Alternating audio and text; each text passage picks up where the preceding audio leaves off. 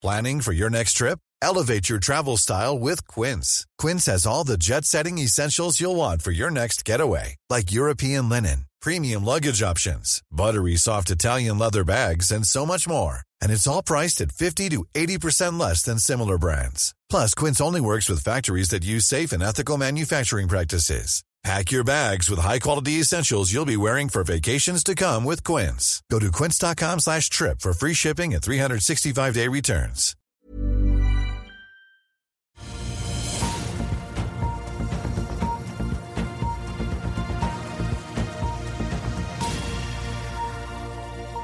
Velkommen til Børsmorgen her hos Finansavisen. Mitt navn er Marius Mørk Larsen. Med meg har jeg aksjekommentator Karl Johan Molnes. Og snart skal vi snakke med Paul Harper fra DNB Markets. Men vi tar noen kjappe noteringer først. Euro europeiske futures faller rundt 0,6 i dag, og SNP 500-indeksen endte ned 0,52% mens Nasdaq-indeksen falt hele 1,2% En haukete tale fra Jerome Powell i Kongressen ble ikke godt, godt mottatt i markedene. Og det slo seg da ut på de amerikanske indeksene. Brentoljen handles til 76,70 dollar fatet, som er lite endret siden Oslo Børs stengte i går. Doff Group noteres på Oslo Børs i dag. IPO-en må være den mest overtegnede i historien, skriver vi på fa.no. Børsnoteringskursen var 28 kroner, men man bør nok kunne forvente en kurs godt oppe på 30-tallet i dag, mener vi på Nettavisen. Norges Banks rentebeslutning kommer klokken ti. Det er omtrent dødt løp blant økonomene om renten settes opp med 25 punkter eller 50. Før beslutningen er styringsrenten 3,25% og tre timer etter denne beslutningen kommer Bank of England med sin rentebeslutning. Så noen Nell-relaterte nyheter. ThyssenKrupp Nucera forventes å bli verdsatt til over 3 milliarder euro i forbindelse med selskapets planlagte børsnotering, ifølge Reuters, gjengitt av TDN Direkt. Hvis du er interessert i hydrogen, så kan jeg også anbefale å sjekke ut Petter Hermanruds gjestebesøk her i går, hvor både han og Karl Johan Molnes diskuterte det. Litt fra Cercio Holding. Første pasient med beinmargskreft har mottatt behandling med kreftvaksinen TG01 på Oslo universitetssykehus. Cicerio het tidligere Targovax. DNB Markets ser en risiko for en ny egenkapitalsemisjon i PGS i andre halvår, og gjentar sin salgsanbefaling på aksjen, skriver vi. Valenius Wilhelmsen, en annen Peter Hermanrud-favoritt, har signert en ny kontrakt med en stor elbilprodusent som varer frem til slutten av 2025. Mer om det på fa.no. Så var det et bomkjøp på Storbrann. I 2017 kjøpte Storbrann opp Skagenfondene for 1,6 milliarder kroner, og seks år senere har forvaltningsselskapets inntekter og kapital stupt. Så tar vi noen justeringer helt til slutt. Morgan Stanley nedgraderer Equinor fra hold til salg og nedjusterer kursmålet fra 325 til 290 kroner. Aksjen ble sist omsatt for 322,60 kroner. Carnegie nedgraderer Nordic Semiconductor fra hold til salg og nedjusterer kursmålet fra 113 til 108 kroner. Aksjen ble sist omsatt for 134 kroner. Jeffreys nedjusterer kursmålet på Yara fra 375 kroner til 334 kroner og gjentar salgsanbefalingen. Og helt til slutt, SEB tar ned kursmålet på Elkem fra 32 til 27 kroner og opprettholder holdanbefalingen. Av dette så var det kanskje Doff du eh, merket deg, Karl Johan? Ja. Eh, litt spesiell situasjon, fordi eh, det er veldig mange aksjonærer. og eh, Aksjen tas jo opp til notering i dag, men de fleste som har tegna, får vel ikke aksjene sine før neste uke. Men om de gjør det, om de får de tidligere, så kan man jo regne med da at eh, kursen spretter opp fra IPO-kurs 28 til der Subsea 7 har lagt inn bud på rundt 35 kroner. For at eh, kursen skal gå høyere enn det, så må man få inn en ny budgiver. altså Det må bli konkurranse om selskapet. For Hvis ikke så sitter jo Subsea 7 der med et bud som de har fått uh, som de ikke har fått uttelling på. og Da vil det ta tid. Da må man begynne å, å vise at selskapet tjener penger. Og, og, og, bankene de vil jo bare ha tilbake pengene sine.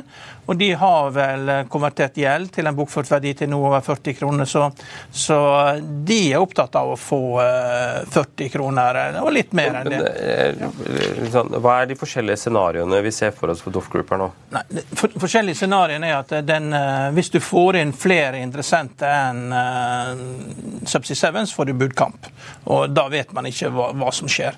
Men uh, Subsea 7 er jo et selskap som ikke liker å tape noe særlig gjeld. Da, men uh, da blir det en forhandling mellom bankene og Subsea 7. Og uh, bankene er ikke så opptatt av å få mest mulig penger, de er opptatt av å få tilbake pengene sine. Så hvis Subsea 7 sier OK, vi kan godt betale mer, men vi gir 100% i aksjer, eh, så betaler vi da 40 kroner eller 41 kroner. Så tror jeg bankene takker ja til det. Altså, eh, hvis det ikke er andre budgivere som kommer opp. Og, og det burde jo ha vært det, det er et interessant selskap, men det er en litt spesiell situasjon. Renten er høy, det er ikke så lett å få lån.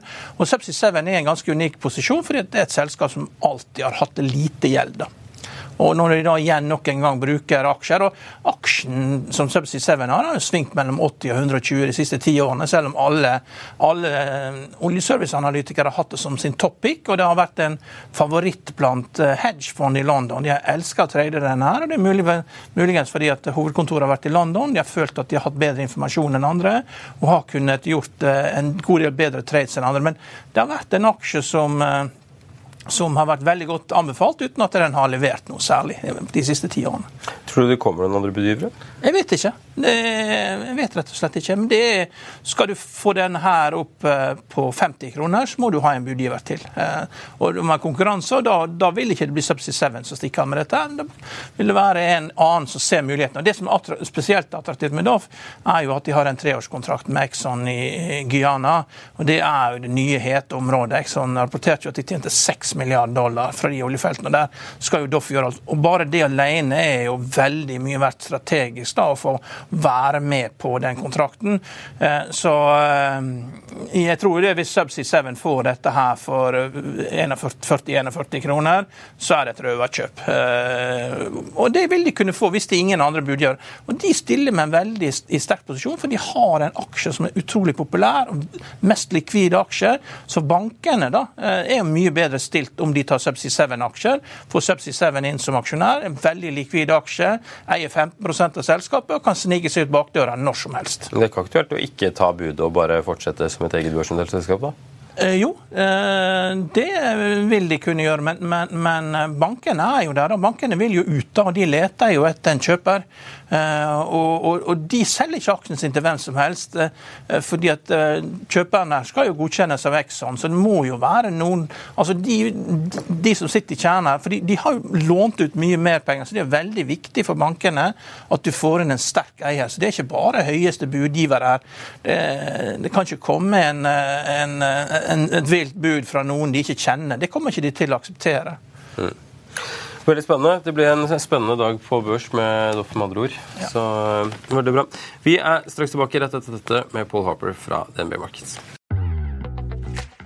Vil du bli oppdatert på det viktigste som har skjedd innen finans og næringsliv? Da er det bare å følge med, for hver morgen er jeg, Marius Lorentzen og aksjekommentator Karl Johan Malnes på plass i studio for å ta tempen på dagens marked i Børsmorgen. Og hver ettermiddag oppsummerer vi alt du trenger å vite i økonominyhetene, og det blir selvfølgelig masse interessante gjester. Klikk deg inn på fa.no-tv, eller søk opp Børsmorgen og Økonominyhetene der du hører på podkast. I'll see you in court. Vi sier det ofte litt på spøk, men for deg som driver business, er det aldri moro å innse at du ikke har laget en 100% gyldig kontrakt. Du bør ikke risikere hele firmaet ditt fordi du synes dette med kontrakter er litt stress. En avtale er ikke en avtale. Du kan miste kunder, miste venner, ja, til og med miste inntekter om du ikke lager en skikkelig kontrakt, på alt mulig, egentlig. Men vi vet det er et styr. Kopimaskiner, tregprinter og haugevis av papir. Dessuten stoler vi jo på folk her i landet. Det er ofte litt kleint å skulle be om en signatur for alt mulig, ja, for mye av styret handler også om jakten på underskriften. Det finnes en enkel måte å løse dette på, Dukkobit, en trygg, effektiv og get this, gratis måte å sikre seg en god natts søvn pluss en juridisk bindende avtale. Dukkobit-appen har de strengeste sikkerhetskrav i bunn, samt en EU-godkjent og sertifisert teknologi. Framover vil det bli behagelig å spørre du, skal vi skrive under på det, eller? Kom i gang på dokobit.no.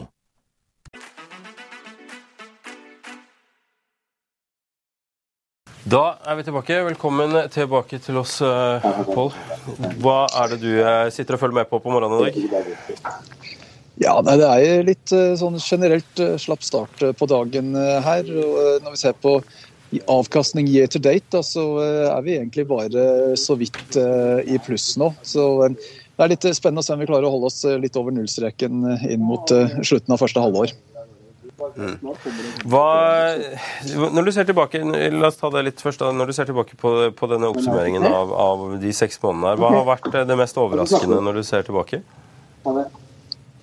Ja, Hvis vi ser på det fra Norden-perspektiv, så vil jeg si kanskje hvor sterkt det har vært blant industriselskapene. Altså, de har jo hatt eh, egentlig eh, veldig sterk utvikling eh, i, i, forhold til både hva de har rapportert og, og kursutviklingen første seks månedene på året. Og I starten av året så, så det jo litt ut som makrobildet som begynte å, å, svikte litt, men det har ikke vært noe særlig synlig i tallene til, til de selskapene. Så de har egentlig levert veldig bra si, energi har kanskje vært uh, hakket mer skuffende enn vi hadde egentlig forventet. Vi hadde egentlig trodd at det ville få litt mer impact av den uh, gjenåpningen i Kina. Da spesielt med tanke på at når alle har blitt sittende inne i leilighetene med en gang de skal begynne å bevege på seg, så er jo det ting som stort sett krever olje i en eller annen form. og da At det ikke har blitt noe større uttelling fra det, har kanskje også vært en, en litt overraskelse for oss.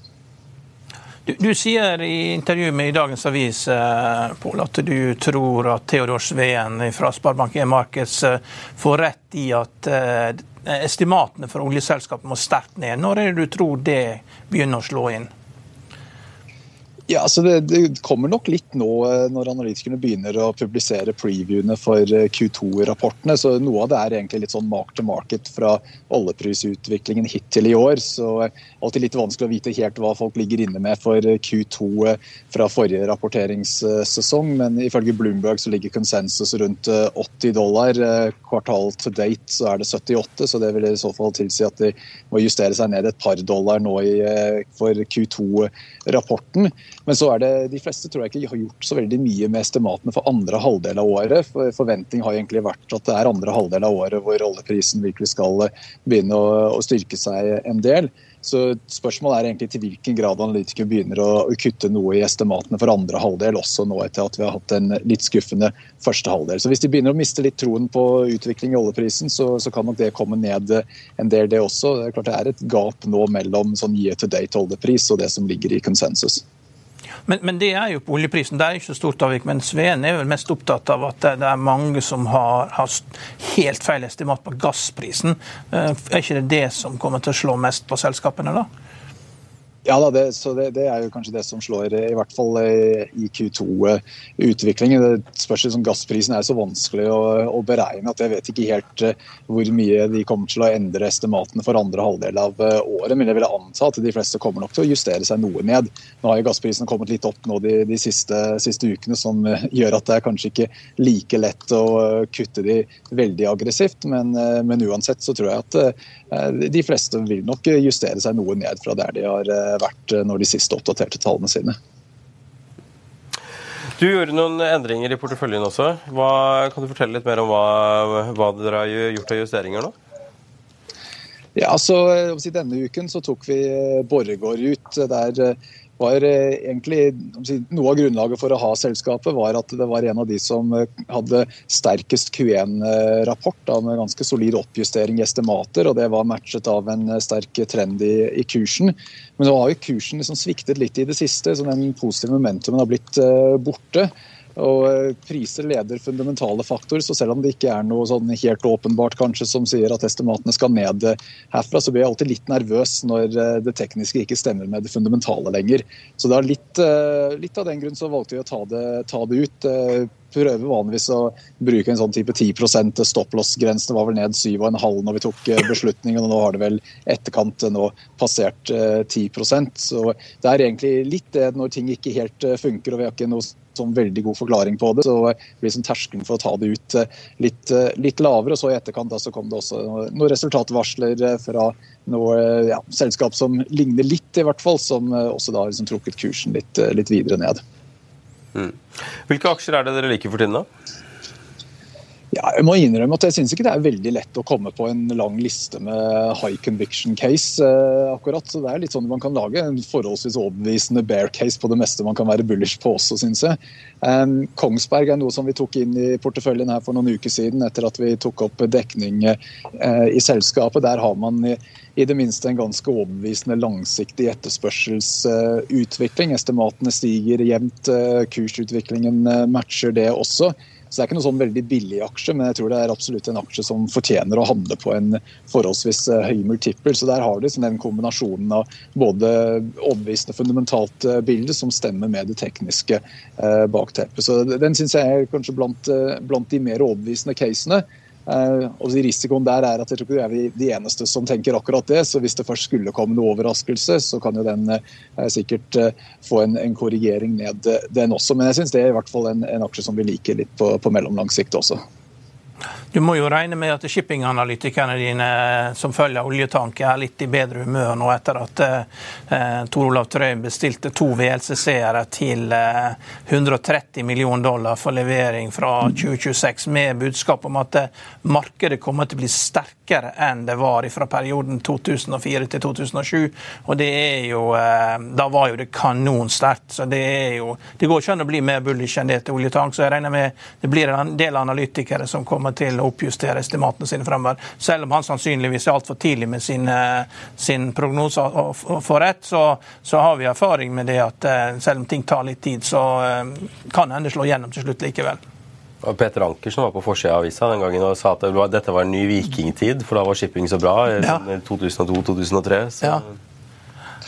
Ja, jeg tror Tank ser jo egentlig veldig, veldig spennende ut. så det, det, tror jeg det er egentlig bare et spørsmål om timing. Eh, det er jo gjerne sånn at uh, tankratene liksom strammer seg til til høsten heller enn uh, nå. så det, det, som har skjedd nå de siste, siste ukene, er jeg liksom litt sånn usikker på om det er bare en sånn midlertidig blaff, så kommer det ned igjen og så kommer det opp igjen mot slutten av, av, sommeren. Eller om det sesongperioden startet veldig tidlig i år. Så vi kan selvfølgelig ikke utelukke det, at man skal egentlig hoppe, hoppe om bord med en gang med disse tank, tankaksjene. Så, eh, og Det er jo sjelden at eh, Frontline handler eh, til de type nivåene som vi ser nå relativt til skipsverdiene. Og som du sier, så ser det ut som skipsverdiene skal en del opp fra, fra der det er også. Så jeg syns det er absolutt et spennende case. Det er liksom den timingen som jeg er litt, litt usikker på der. Men det er vanskelig å argumentere mot, mot tank hvis man har en tidshorisont som strekker mer enn tre måneder i hvert fall. Det, det, mest morsomme timing var jo når Nordic American Tankers hentet inn sin, sin første emisjon. Da Og da sa jo at det kom, det kom en boom like rundt hjørnet. så Da var båtene slutta på sjuårskontrakter da, fra 1997 til 2004. og Med en gang eh, de båtene gikk av kontrakt i 2004, så kom jo boomen sju år senere. Da. Men det er litt, ofte litt rart når man, når man snakker om for boom. Altså, ja, men eh, skipene blir jo ikke levert før om tre-fire år, så det, det er lenge til, men det er jo da man trenger skipene. For Hvis du, bare, hvis du får en boom nå, så, så, så du får jo ikke noe særlig premium på en båt som blir levert i 2026-2027. Eh, så det, men det, det, er et positivt tegn, for det har jo ikke vært noe ordrer å snakke om innen sektoren. Så uh, dette er en begynnelse. Mm. Du sier at, uh, at, det er lett å være, lage et bear case for et uh, like lett som å lage et bull case. Men er det noen ting hvor du ser det som åpenbart bare bear akkurat nå? Um, ja, prøve å tenke hva som er noen gode eksempler der. Jeg syns generelt sett så, så, er det litt uh, sånn at som alt, alt, som har med Kina å gjøre, er litt, litt utfordrende. Der kommer sånn shipping inn i, i samme bildet der. Så selv om vi liker liksom tanksektoren, og vi har jo egentlig stort sett positiv anbefaling på, på mye innenfor eh, shipping, så er jeg egentlig litt bekymret for utviklingen i Kina nå. Vi ser liksom det lange linjene her er ikke noe sånn voldsomt uh, positivt i forhold til at uh, nå, er det ikke noe befolkningsvekst uh, lenger. Det heller går i, negativ retning. og Det de har gjort av stimulanse hittil, har ikke fungert noe spesielt bra. Så jeg må si jeg syns det er litt vanskelig å bli sånn superbull på en del av de tingene som er avhengig av at Kina skal fungere. Så jeg tenker på en del sånne typer råvarerelaterte Eh, segmentet. Vi liker energi, men aluminium er noe som vi er litt mer skeptisk til. Så Hydro er eh, en aksje vi har salgsanbefaling på, f.eks. Så eh, man burde egentlig se litt, litt mer liv i disse metallprisene hvis Kina virkelig skal begynne å, bidra litt, litt, mer nå. Jeg mistenker at det er noe som kanskje blir en, en skuffelse som varer litt, litt, lenger. Så Hydro er kanskje en av de casene som vi har, er mest skeptisk til akkurat for øyeblikket. Men er det, er det, Kina som ikke klarer å levere, eller er ikke etterspørselen der? Eller har etterspørselen flyttet seg et annet sted? Eller hva, hva er det dere ser som, som scenario som gjør at, at, det er Kina som er problemet her? Noe av problemet i Kina er det at veksten i økonomien har vært veldig avhengig av den eiendomsutvikling og infrastruktur osv. Nå har de bygd altfor mye av det meste. Så det er liksom ikke noe, noe mer nyttig du kan uh, si, bruke, bruke, disse pengene på, antageligvis. Og I tillegg til det så ser man kanskje noe tegn til uh, det vi så i, i Japan uh, på 90-tallet det vi kaller sånn balance sheet recession. Da man at når, når, myndighetene begynner å kutte rentene, så har det ikke noe effekt. Det har ikke noe stimulerende effekt, for alle har for mye gjeld fra før av. Så Da blir det til at du kutter rentene, men allikevel så velger folk å betale ned på den gjelden de har allerede. Um, så Det gjelder egentlig både innenfor husholdningene, men også uh, mange av disse eiendomsutviklingene er jo egentlig konk uh, sånn, uh, i, praktiske, praktiske formål. Så de har liksom ikke mulighet til å gjøre så veldig mye annet enn å bare ferdigstille de byggene som de har startet allerede. Så, så, alt med, som har med som infrastrukturutbygging osv. er viktige drivere for aluminiumsprisen. Og så er det litt sånne andre midlertidige faktorer kan du si, med, med Hydro. Da, at en del av den inntjeningen mener vi er nettopp litt, litt mer midlertidig sånn i forhold til strømsalg f.eks. Er noe som egentlig ikke er noe man skal liksom, legge til grunn skal vare så voldsomt mye lenger. Um, vi tror da litt mindre aktivitet i, Kina, så kommer også uh, kullpriser uh, noe ned. og Det er jo egentlig en viktig innsatsfaktor for uh, aluminium. Så aluminium er jo egentlig en slags kost pluss-modell i, i, Kina. Så kommer kostnadene ned, så kommer også prisen på aluminium noe ned etter hvert også, tror vi. Det er jo klart Når eh, construction var 30% av eh, BNP, og de holdt kanskje på i ti år for lenge med det, så er det klart da er det veldig vanskelig å omstille økonomien. Det, det har vært en eh, det, ligner på en kommunistøkonomi, rett og slett. fordi kommunistene det de hadde nok av, var jo leiligheter. Det har alltid vært sånn. Det mangla aldri på leiligheter verken i Polen eller i Russland, selv om det var litt trangt. Så leiligheter hadde de. For det er lett å produsere. Men det er andre ting som er vanskeligere å produsere. Um, ikke de samme multiplikatorene da, når du skal drive og eh, selge, selge, et restaurantmåltid. Så er ikke sånn den verdikjeden like lang som når du skal drive og eh, produsere eiendom hvor du har masse forskjellige råvarer inn i, inn i bildet som eh, gjør at det som livnærer mye flere eh, bransjer enn det å, å produsere en, en restaurantmåltid. Jeg har en øh jeg har en eh, god venn som bor i Danmark, og han eh, har norsk lønn og bor i Danmark. Og eh, river seg i håret over alle disse sakene som kommer om en stadig Av alle godene med en svak krone. Men plutselig i går så, så jeg du var en av de som, som fremsnakket en svak krone versus en sterk krone for inntjening i, i aksjene. Kan du forklare litt mer hva du tenkte der? Altså det er jo sånn at eh, På Oslo Børs så er jo egentlig relativt få selskaper kroneselskap. da Du har alle energiselskapene som er eh, dollarvirksomhet. så Ca. halvparten av inntjening på Oslo Børs er egentlig rapportert i dollar. Og så I tillegg så har du da en del selskap som si, er egentlig dollarvirksomhet, men rapporterer i kroner, sånn som Norsk Hydro f.eks. Så du har energi, shipping og noen andre da som rapporterer i dollar pluss eh, de andre råvarerelaterte sektorene da, som er litt blanding av dollarrapportering og eh, kronerapportering, men virksomheten er i dollar. Så har du sjømat som er eh, egentlig euro virksomhet, da, selv om med unntak av Movi rapporterer de i kroner. Så det er egentlig sånn to tredjedeler av inntjening på Oslo Børs er egentlig valutaer som er noe annet enn en kroner. Men som regel så har du jo en del kostnader i kroner, så da når eh, kronen er svakere, så blir sånn kroneverdien av et fat olje eller en eh, dagrate på x antall dollar blir jo større. Men du får ikke da nødvendigvis like stor kostnadsøkning. Så da får du bedre inntjening både fra liksom, den rene eh, vekslingseffekten, men også noe høyere marginer. Så utvikling i inntjening på Oslo Børs, da ser jeg hvis du hvis vi ser på det kroner i forhold til eh, dollar, eh, eller motsatt, så, blir jo bildet egentlig senest mye svakere ut. Så vi har fått eh, litt drahjelp egentlig fra den svakere kronen. Så Hvis du veksler om avkastning på Oslo Børs, da kan du si at det gir like mye mening å se på Oslo Børs i, dollar som i, kroner. Så er avkastning helt tilbake til finanskrisen. Da, så er det under 10% totalt. Så liksom årlig avkastning på under en halv prosent cirka, i løpet av en si, periode da, siden 2006. Så, så liksom den dollareffekten det, det, slår jo ganske mye da når eh, du har en eh, si, hovedsakelig virksomhet som er eh, dollar pluss plus litt, litt, annet. Så den avkastningen vi ser i kroner blir egentlig si, mye bedre enn det slags underliggende egentlig er. Ja.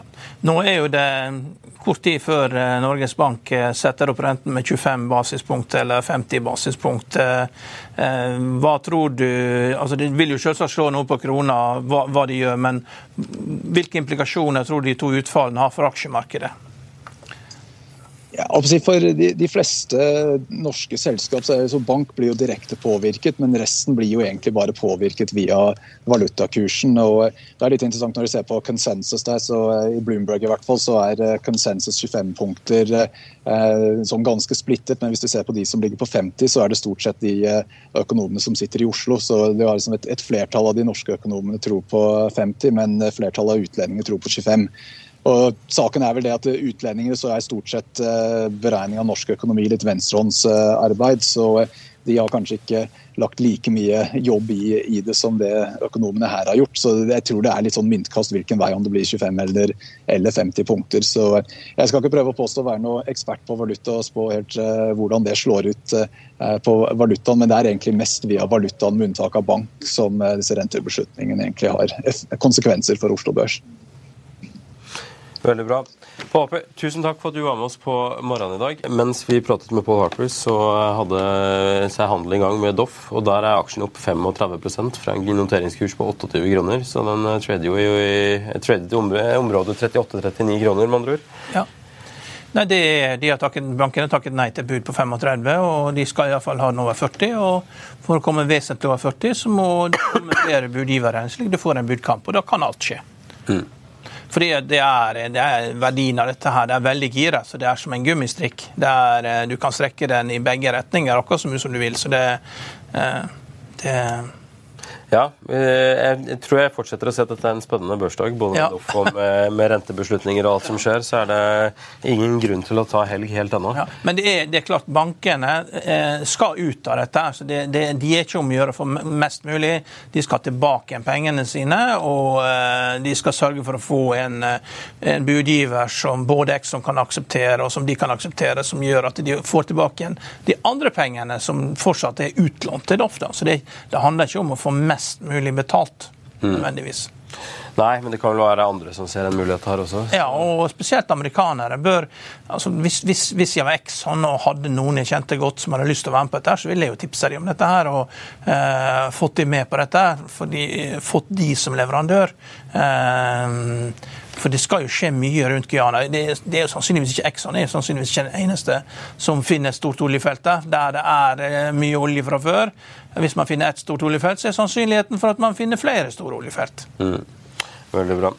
Eh, jeg skal også skyte inn at Kyoto Group, som har fått eh, inn et par eh, fått den spanske utilities-giganten Iberdrola og britiske Spirax Sarco inn på eiersiden, det likte markedet, så den aksjen er opp 17% Og ellers er det en stille, men positiv dag. Lennis Wilhelmsen er opp 2% Så vi får følge med på hvordan det går. Vi er tilbake igjen med Økonominyhetene i dag klokken 14.30. Og inntil da så kan du følge med på det du ønsker å se av video på fa.no slash tv. eller eller høre det der du hører podkast. Bare søk opp Økonominyhetene eller Børsmorgen.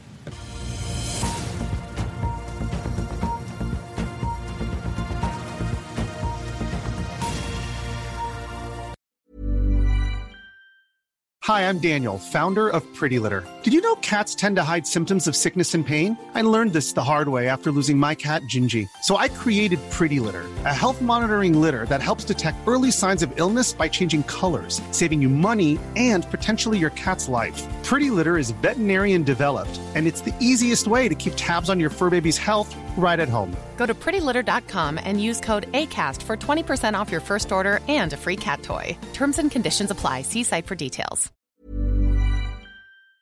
Økonominyhetene er en podkast fra Finansavisen. Programledere er Marius Lorentzen, Stein Ove Haugen og Benedikte Storm Bamvik. Produsenter er Lars Brenden Skram og Bashar Johar. Og ansvarlig redaktør er Trygve Hegnar.